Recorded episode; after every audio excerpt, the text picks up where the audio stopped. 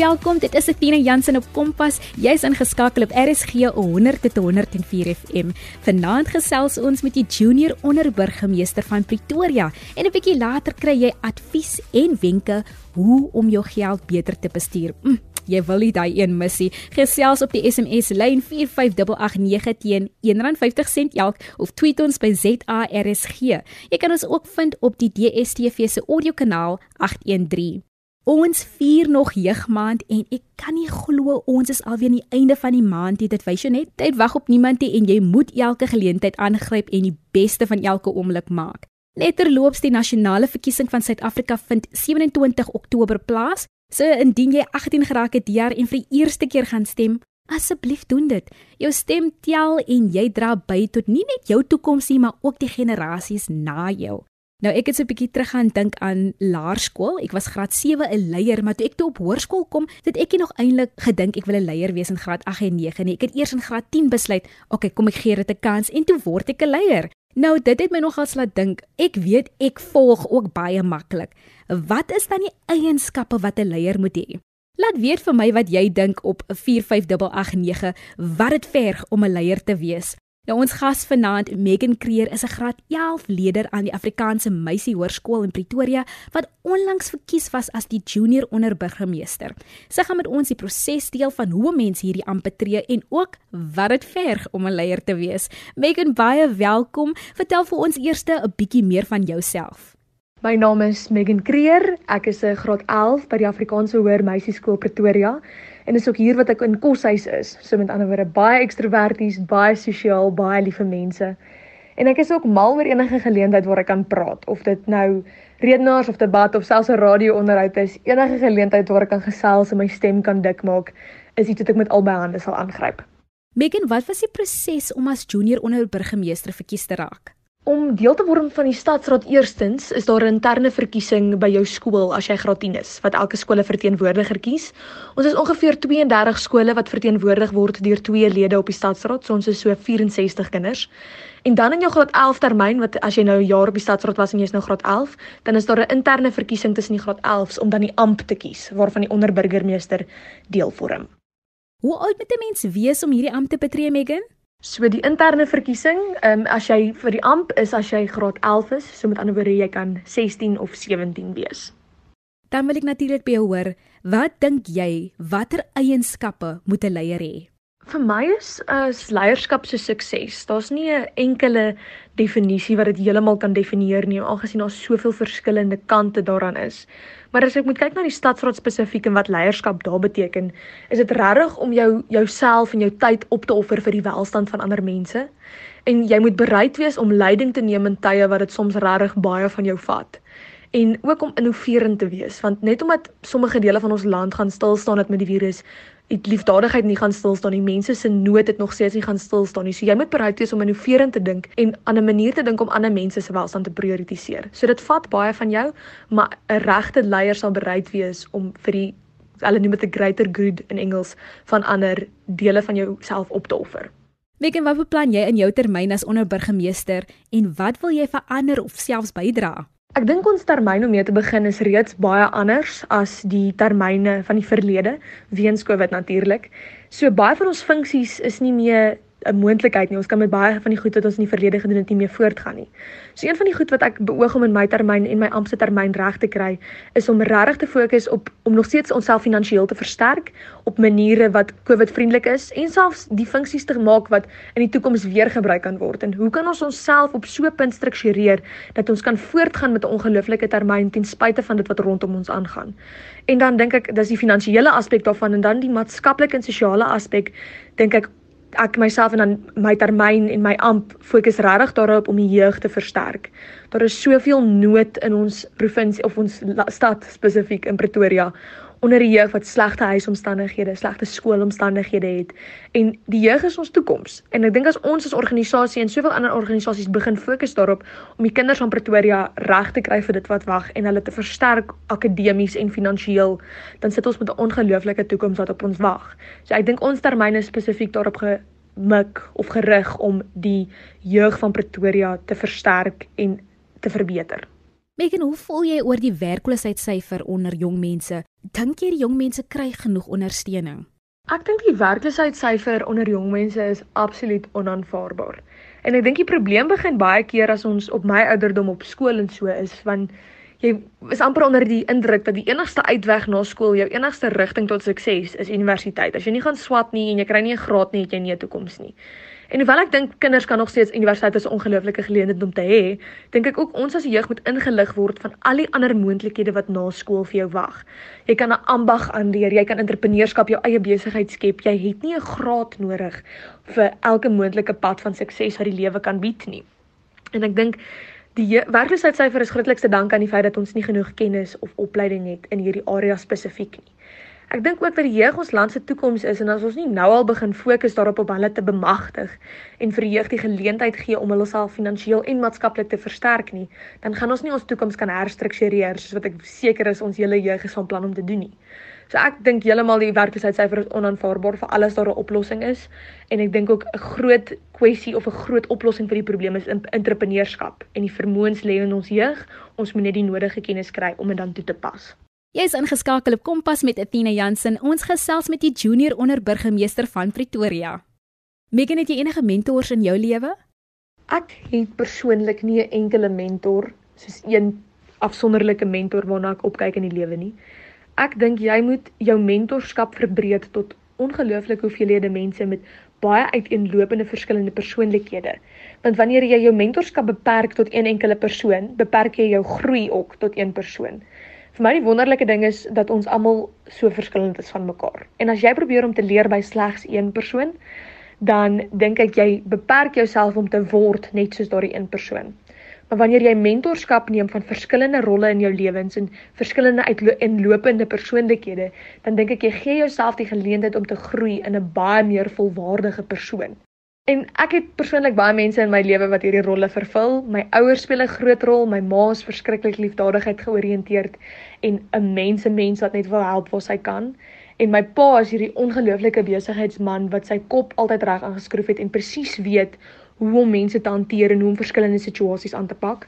En 'n ander voorbeeld is my my hoofmeisie van toe ek graad 8 was, Lia Warmenhoven.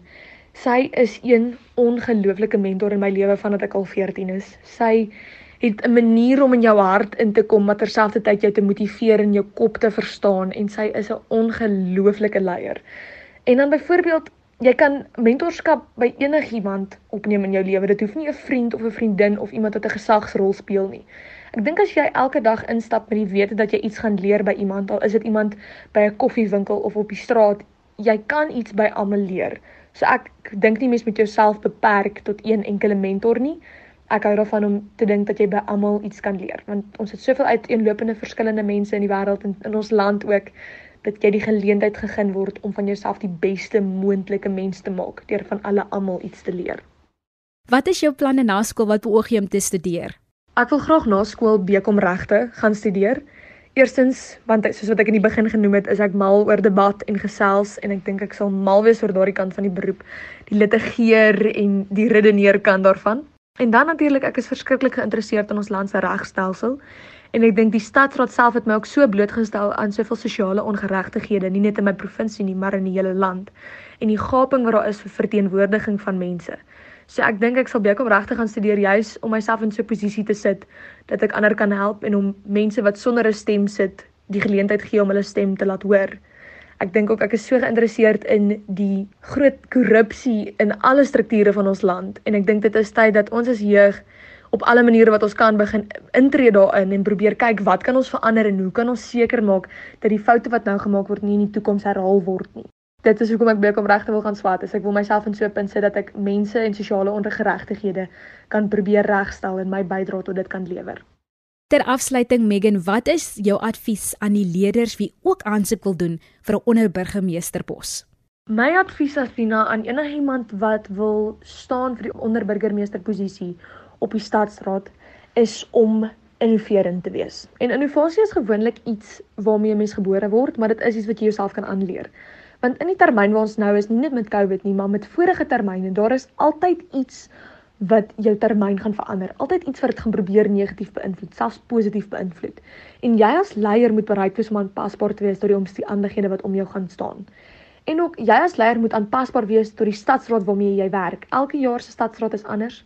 Elke jaar se stadsraad dink anders en jou plig as onderburgemeester of enige posisie op die amp is om aan te pas tot wat die stadsraad kan doen en tot wat die jeug in jou stad benodig.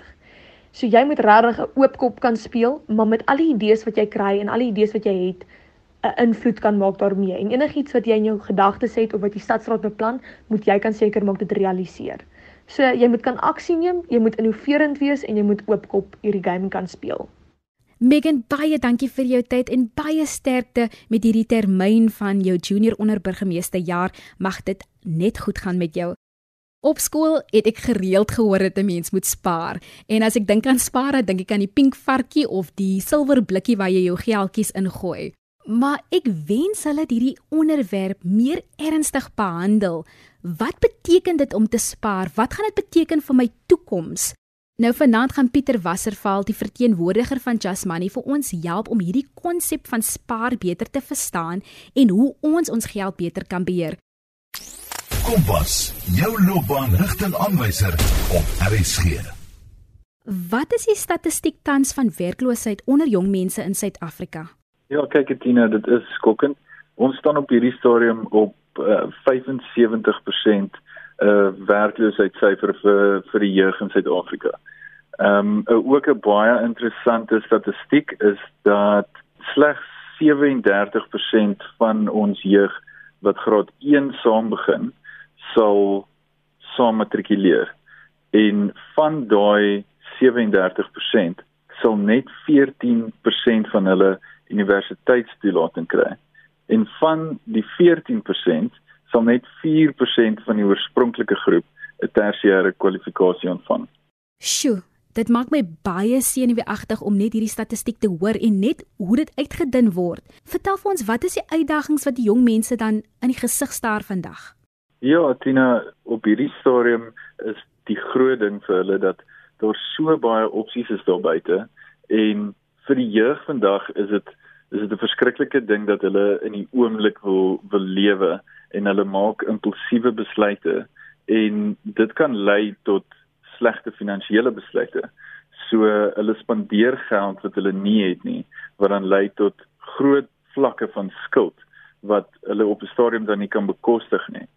So dit is wat ons probeer aanspreek om te sê maak liewer goeie finansiële besluite. Ehm um, kry vir jouself onderrig en maak seker dat jy verstaan waar jy jouself inkry. Ja, in die samelewing gebruik ons die term YOLO, you only live once en en ek vind myself ook skuldig daaraan toe ek nou jonger was die besluite wat ek gemaak het. Maar dan is die vraag natuurlik, hoe hanteer die jeug hierdie tipe uitdagings? Wat doen hulle?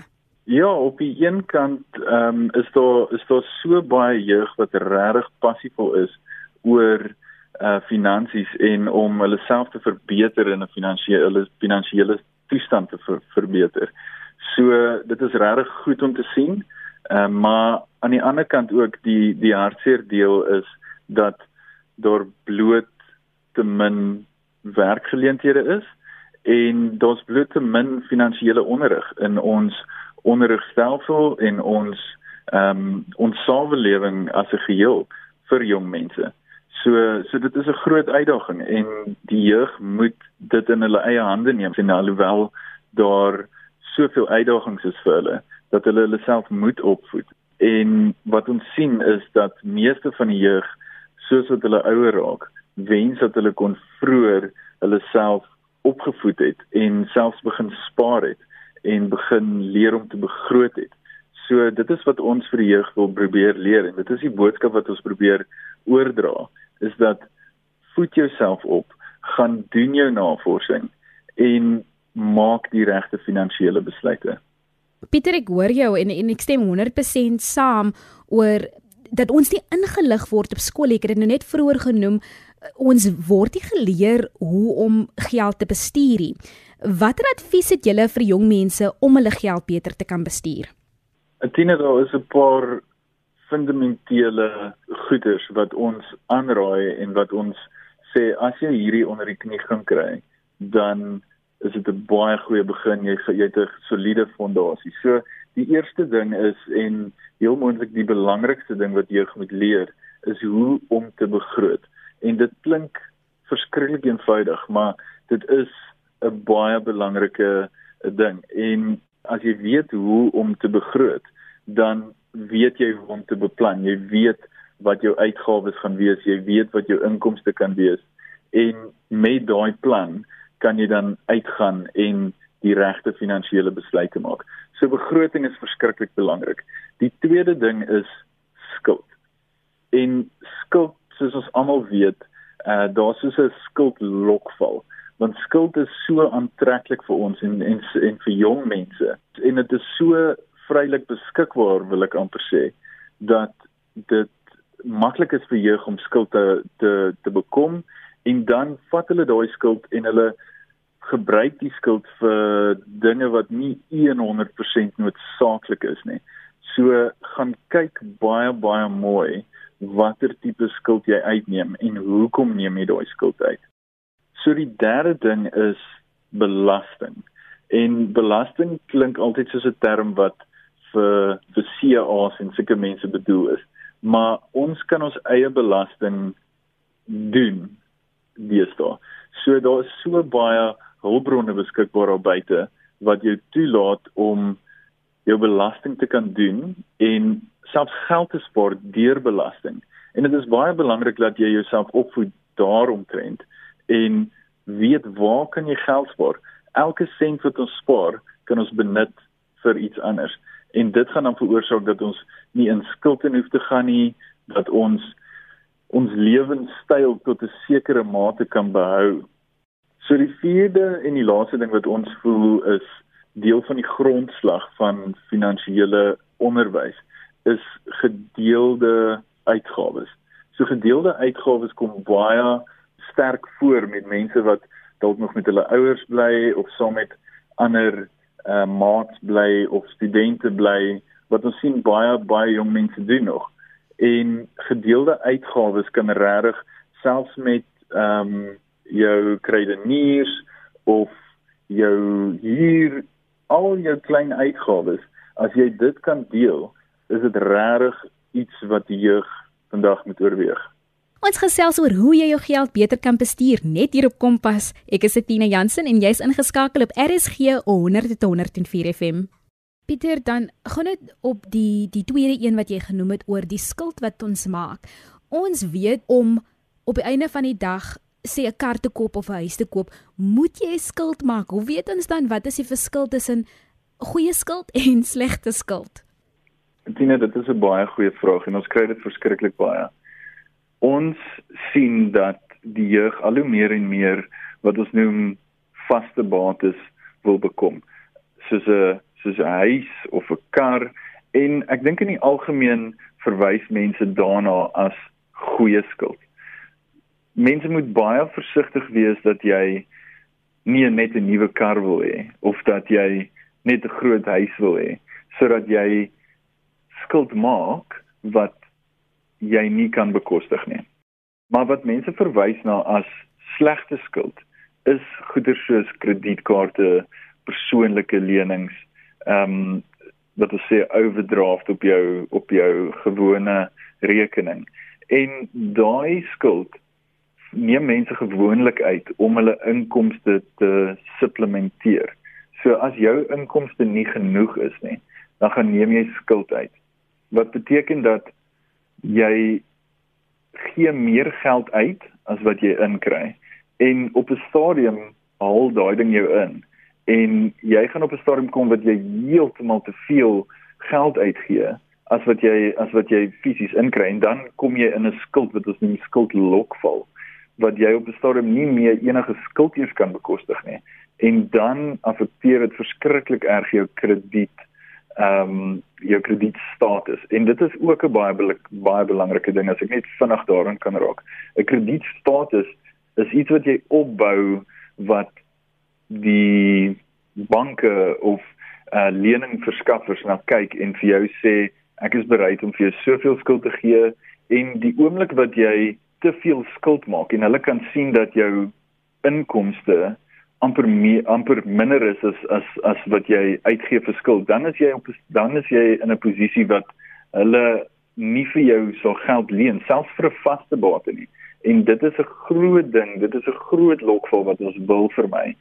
Daar is maniere om jouself te onderrig. Daar is maniere om hierdie tipe lokvalle te vermy. Pieter, dit was nou juis my volgende vraag. Ons weet nou dat ons um, meer kan leer oor belasting en spaar en hoe om ons geld te bestuur. Vertel vir ons, wat kan ons verwag op die platform Just Money? Tina, dit is dit is regtig vir ons net 'n platform om mense te kan leer hoe om hulle finansies te bestuur. So daar is baie hulpbronne soos jy kan 'n verniet kredietverslag daar gaan kry wat ons vir jou kan sê wat ons vir jou ook ehm um, bietjie leiding kan gee is kyk hierna ehm um, maak seker hierso is 'n ding wat jy nie wat jy nie moet oorgaan nie. Ehm um, en ons daar's da baie baie goeie hulpbronne in terme van artikels. Daar is ehm um, wat ons noem finansiële tools wil ek amper sê verskoon die Engels. Maar daar's regtig regtig baie goeie hulpbronne en insig wat 'n mens daar kan kry. So dit is dit is baie baie belangrik vir vir jong mense om sulke platforms te kan gebruik.